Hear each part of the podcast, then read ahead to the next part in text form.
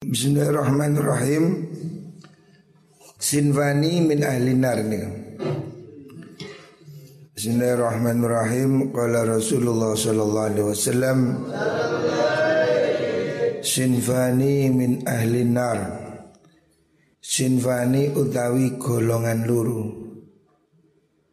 Iku min ahli nari sangking ahli neraka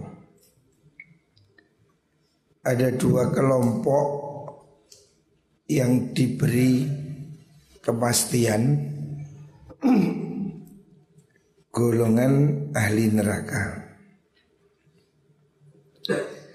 Artinya dua kelompok ini kelompok yang jelek ya. Para penghuni neraka. Merubane oh cek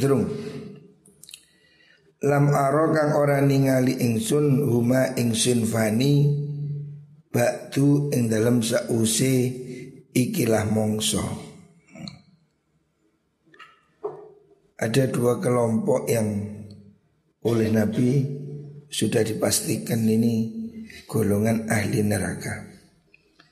Rupane kaumun kaum Ma'ahum kang iku sertane kaum siatun utawi piro-piro cemeti pecut orang-orang yang suka menyiksa membawa pecut ya. Karena bil bakori kang koyo piro-piro buntute sapi ya. Maksudnya cemetinya itu gede yang tribuna kang podo mukul sapa mengkono kaum annasa ing menungso. Golongan pertama yang dipastikan masuk neraka itu golongan orang-orang zolim ya. Orang-orang yang suka menyiksa orang lain Pada zaman dulu secara fisik digambarkan Rasulullah Shallallahu Alaihi Wasallam mukulnya pakai cemeti, pakai pecut. Ya. Tetapi ini hanya satu contoh. Bisa jadi pakai yang lain ya, pakai senjata. Orang-orang yang menyiksa orang lain secara zolim itu pasti ya dibalas di neraka. yang kedua wanisaun dan piro-piro wong wadon. Kasiatun piro-piro kang nganggu pepaes. Wanita-wanita pesolek. Tukang pesolek. Pesolek ini loh maca Ariatun piro-piro kang muto Muto maksudnya telanjang ya. Hari ini nih semakin hari busana perempuan ini semakin telanjang. Zaman saya kecil rok itu masih di bawahnya dengkul. Hari ini sudah naik tambah naik tambah naik. Saya kis sore bokong namanya hot pen. Nah, suwi-suwi ini limang tahun kas dukure utel. Tambah suwe rok tambah munggah. Makanya BBM naik terus karena rok semakin tinggi. Jadi jadi dulu BBM murah, rok masih rendah. Rok makin tinggi, BBM makin tinggi. Wanita-wanita semakin telanjang. Hari ini orang sudah tidak malu, nggak pakai baju, umum sudah di mall-mall itu lihat ini sudah umum. Wanita pakai apa? Tank top. Atau pakai baju tapi tidak pakai kotang. Tembus semriwing ya. orang sudah nggak malu ya. Artis-artis. Ini yang sudah digambarkan oleh Rasulullah Sallallahu Alaihi Wasallam. Kanjeng Nabi sudah mengingatkan zaman akhir wanita akan semakin telanjang. Ma'ilatun tur piro-piro kang nyeleweng. wanita akan semakin nyeleweng, semakin aneh-aneh ya. Hari ini semakin ini terlihat jelas dengan adanya aplikasi TikTok TikTok. Orang semakin keminyik-keminyik Wanita makin ya karu-karuan. Sekarang ini banyak aplikasi kencan Aplikasi pacaran Itu menjadi aplikasi pelacuran ya. Di handphone ini sudah banyak sekarang aplikasi chatting ya untuk cari kenalan, tetapi sudah menjerumus ke pelacuran. Ya. Banyak sekali itu, macamnya banyak sekali. Artinya zaman dulu orang mungkin sulit cari pasangan. Hari ini sudah ada aplikasinya.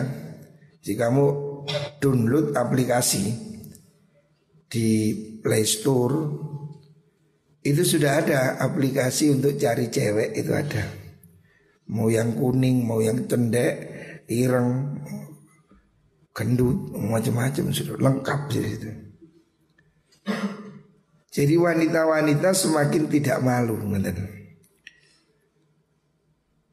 Terus nih wow, mumilatun Mumilatun tur kang piro-piro kang nyondongaken maring ati. Maksudnya semakin banyak wanita yang memikat hati ya.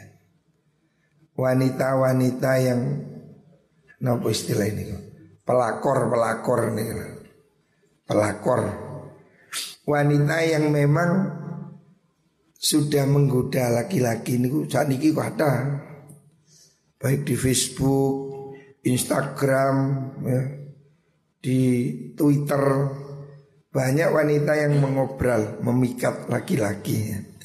Ini sudah digambarkan ya. 1400 tahun yang lalu Rasulullah Shallallahu Alaihi Wasallam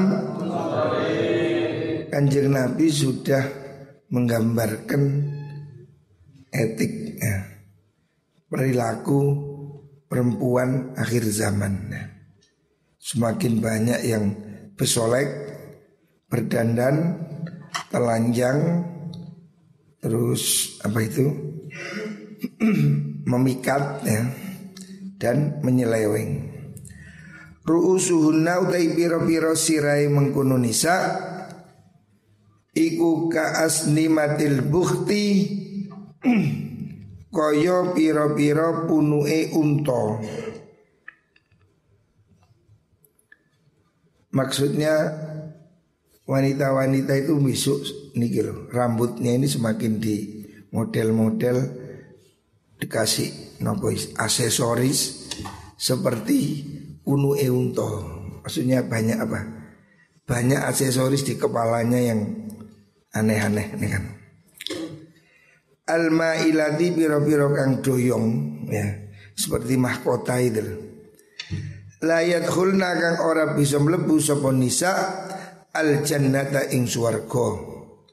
Wala yajidna lan ora nemu sapa nisa rihaha ing ambuni swarga. Wa inna rihalan seduni ambuni swarga iku layu jadu yakti temu operih min masiroti kaza wa kaza saking pelakon sakmini sekian sekian wanita-wanita yang semakin memikat semakin menggoda semakin nakal ini sudah diperingatkan oleh kanjeng Nabi mereka tidak akan bisa masuk surga karena mereka ini sudah sifatnya sudah merusak ya. Ya, pelacuran itu loh, gampangannya hari ini ini Indonesia ini sudah darurat pelacuran. Pelacuran semakin gampang. Kamu cari di Twitter, di Facebook, di Instagram, di komunitas chatting-chatting. Ini sudah luar biasa ya. Zaman ini bagaimana pelacuran ini sudah sedemikian rupa. Bahkan saya melihat di beberapa situs ini sudah ada situs yang terang-terangan apa istilahnya itu tukar menukar pasangan swinger. Jadi sudah ada pasangan ini yang gendeng suami istri lima orang maunya kumpul di hotel ijol-ijolan. Ya kayak kayak kelambi no, jajal-jajalan, jajal iki, jajal iki itu sih opo ngoten Sudah ada itu dan berkali-kali sudah ditangkap oleh polisi. Pesta sek, pesta wah ini sudah mengerikan ya. Sudah banyak kasus seperti ini. Di mana perempuan-perempuan sudah tidak malu ya. Bahkan tadi malam saya lihat di Facebook ada satu berita 18 pantai bebas telanjang di luar negeri. Di Indonesia juga ada. pantai yang di situ privat semuanya boleh telanjang. Lanang wedok gandul gandul ya kayak wedus ini gandul kan sepantai. Di luar negeri sudah biasa ini. Dulu waktu saya masih tinggal di Inggris tahun 2003 saya mengikuti pendidikan di Maxfield, Maxfield Institute of Higher Education. Saya pernah tinggal dua bulan di Inggris. Kalau malam hari jam 10 malam TV di sana itu bebas purnu-purnu gitu. Lah di TV itu ada tayangan pantai. Pantai ini live ini pantai apa? Pantai terbuka yang memang disebut dengan eh, istilahnya sekarang itu pantai nudis, pantai telanjang. Jadi laki-laki perempuan tidak ada yang pakai baju dan biasa, gak is biasa mereka andil kan. Lanang wedok is biasa. Is gak ono sing metenteng metenteng kan is biasa. Is kayak wedus sih lah. Sih masuk ono ketemu kancane ya gandil kan. Guyang guyu.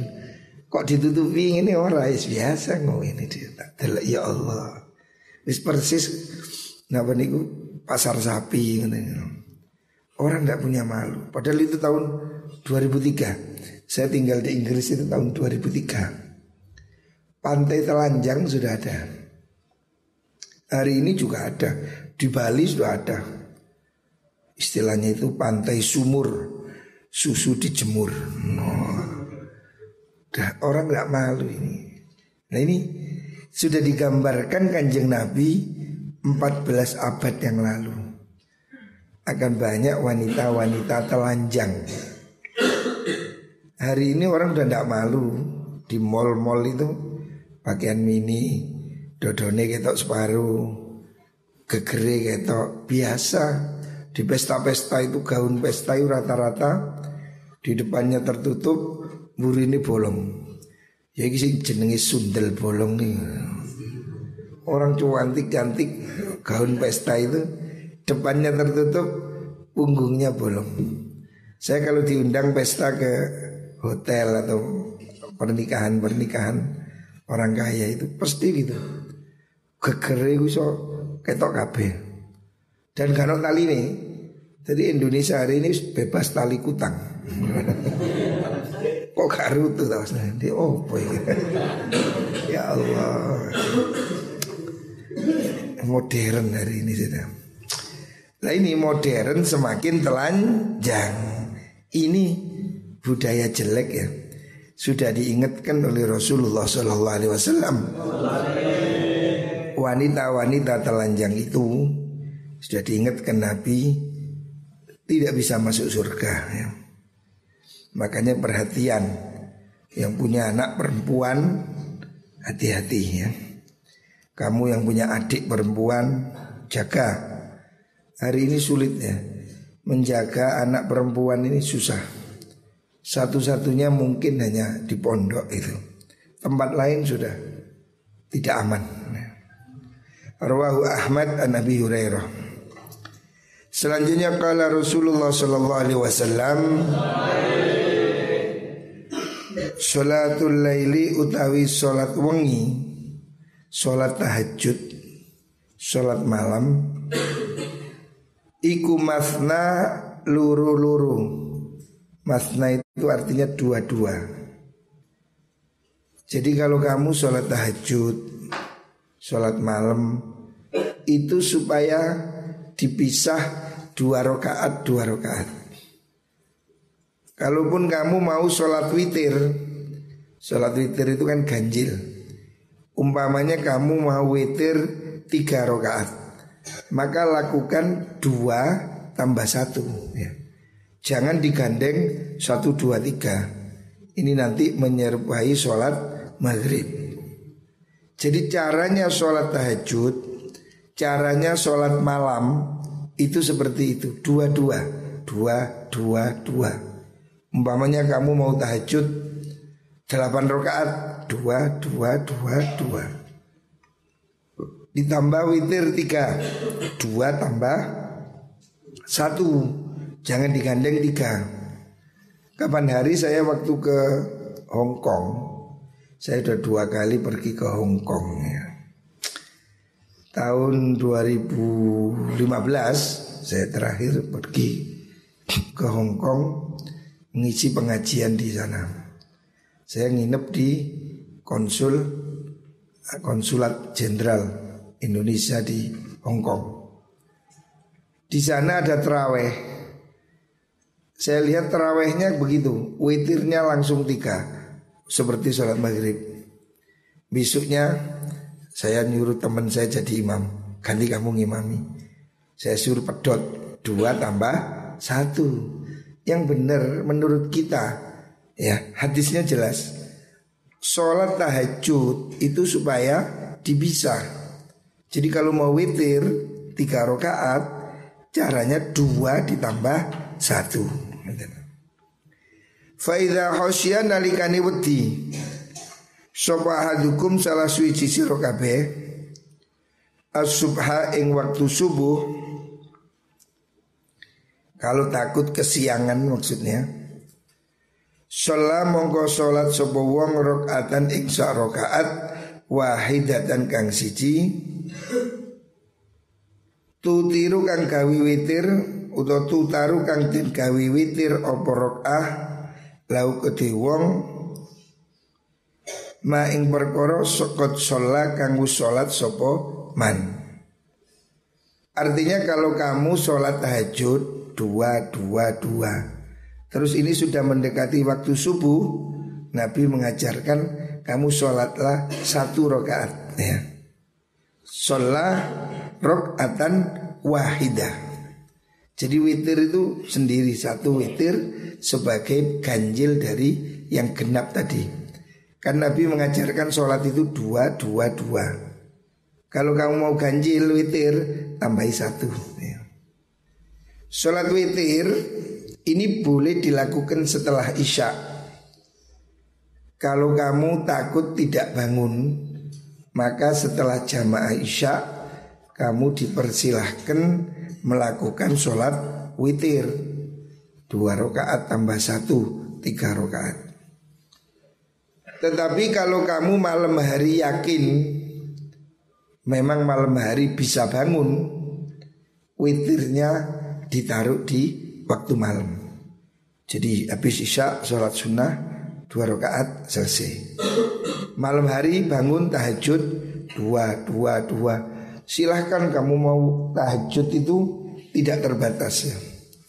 Kamu boleh sholat hajat dua rakaat, sholat tasbih empat rakaat, tambah sholat langit, sholat boleh saja. Jadi sholat tahajud itu tidak tertentu bilangannya. Boleh orang sholat tahajud 12 8 20 berapapun ya. Sholat tahajud ini suka-suka Boleh banyak, boleh sedikit Tetapi sangat dianjurkan Apalagi santri Santri harus ya tahajud ini. Penting lah Makanya saya selalu bilang malam hari kamu segera tidur. Kuncinya itu malam hari segera tidur. Usahakan ya jangan sampai tidak tahajud. Ya. Sebab bobotmu, hidupmu, kualitasmu itu akan ditentukan dengan tahajud itu. Ayah saya dulu selalu berpesan begitu. Kiai kok nggak tahajud, nggak ada bobotnya. Sekarang ini kamu lihat banyak ceramah mustad mustad dadaan ini. Tiba-tiba mustad, tapi tidak banyak efek efeknya kepada orang sedikit. Pidatonya bisa jadi berapi-api, tapi hasilnya tidak banyak. Karena kata ayah saya, tidak ada kaulan sakila, tidak ada bobot. Akhir-akhir ini pidato-pidato itu cuma jadi guyon. Ceramah-ceramah cuma jadi dagelan. Orang datang pengajian ketawa selesai. Ditanya tadi ngaji apa? Pokoknya lucu. Nah, jadi ngaji ini lama-lama jadi dagelan. Karena apa? Tidak ada powernya, tidak ada kaulan sakila. Ulama-ulama dahulu Syabdul Qadir Jailani bawahnya. Beliau itu kalau dawuh orang semua nangis. Beliau dawuh sedikit aja merintahkan orang taubat, orang takut tangis semua. Hari ini, wes walaupun diceritain neraka ya guyu. Neraka kayak guyon. Maksud sih? Ya. Karena tidak ada powernya, tidak ada kaulan sakila. Karena apa? Kiainya suka tahajud ini. Ini krisis akhir zaman ini. Ayah saya dulu selalu mengingatkan begitu. Kalau kamu jadi ustadz, jadi kiai, tidak tahajud, maka kamu tidak ada bobotnya. Ya. Sebab Allah sudah merintahkan kanjeng Nabi wa minal laili fatahajjad bihi nafilatan Janjinya apa? Sa'iyab atharka rabbuka maqaman mahmuda. Orang akan hidup mulia, maqaman mahmuda efek dari tahajud. Inna sanulqi alaika qaulan thaqila. Dengan tahajud itu ada ucapan yang berbobot. Hari ini banyak pidato-pidato di radio, di TV, di YouTube. Banyak pidato tapi kurang contoh. Pidato tok, tidak ngefek ya. Penyebabnya yaitu Ayah saya dulu itu selalu berpesan begitu. Kalau jadi kiai, ya itu harus mewajibkan kepada dirinya sendiri untuk sholat tahajud. Walaupun dua rakaat, walaupun sedikit. Santri ojo sampai gak tahajud. Itu terutama kamar timur itu. Subuh dikuka sih melungker kabeh. Bangunkanlah jam tiga setengah empat pasang alarm. Kamu sendiri harus punya keinginan. Saya kepingin sholat tahajud. Untuk apa? Untuk berdoa. Mohon kepada Allah. Tidak ada yang sulit kalau hidup ini ditulungi oleh Gusti Allah. Tidak ada yang sulit. Cita-citamu, keinginanmu akan dikabulkan kalau kamu mau minta pada Allah. Minta yang paling efektif itu di waktu sholat tahajud ya. Makanya gerakan sholat tahajud ini penting. Saya minta pengurus-pengurus semuanya Ayo bangun tahajud ya. Supaya Allah memberi kita itu kehidupan yang lebih baik. Faidah beliau Rawahul Bukhari Wa Muslim. Selanjutnya kala Rasulullah sallallahu alaihi wasallam sautani mal'unani Sautani utawi suara luru ada dua suara. Iku mal'unani dan laknati opo sautani.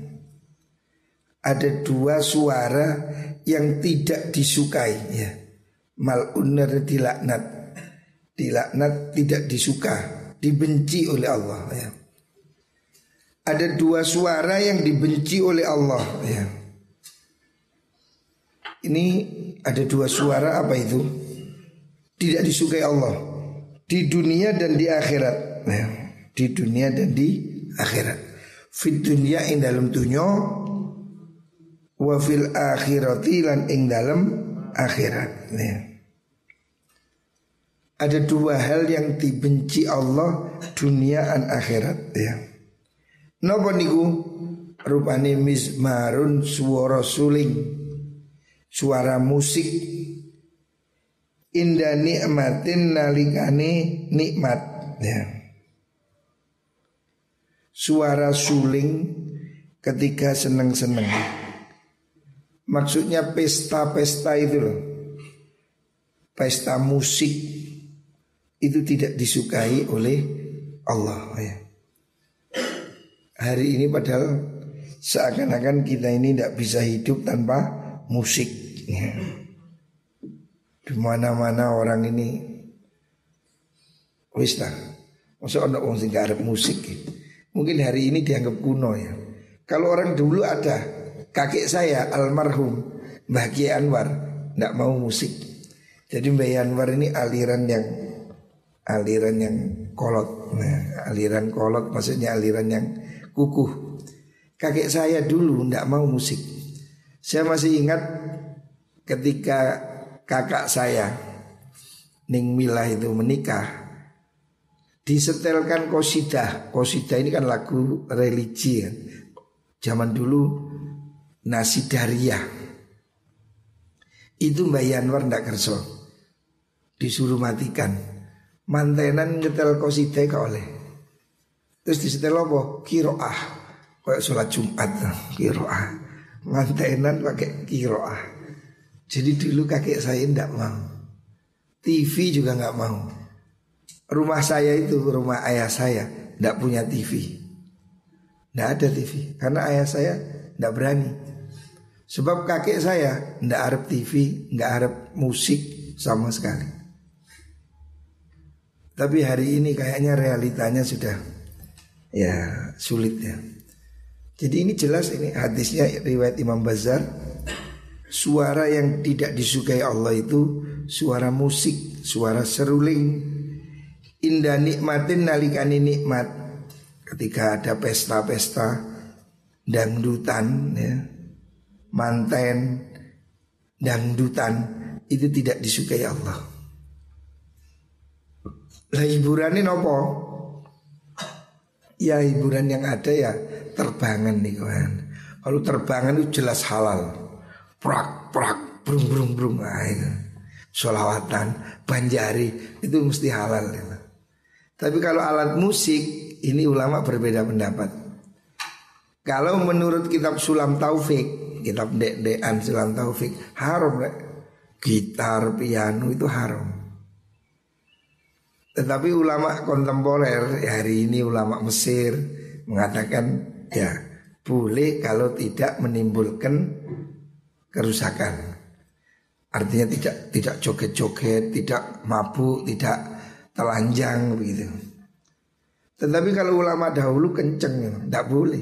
Ya. Wa ronnatun yang kedua tidak disukai Allah. Wa ronnatun lan sambat-sambat. Indah musibatin nalikani ono musibah. Jadi dua hal itu tidak disukai Allah. Artinya musik, konser musik ketika ada pesta itu Allah tidak suka.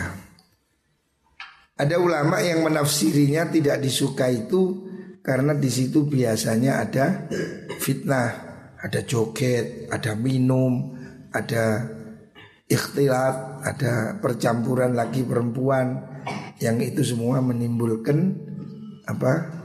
lupa atau maksiat kepada Gusti Allah. Tetapi kalau ulama dahulu menafsiri ini ya letterlek memang seruling tidak boleh. Jadi ini ada beda pendapat. Tetapi ada ulama sufi yang lain seperti Jalaluddin Arumi. Itu kan memang sufinya dia pakai musik ya, dia pakai musik.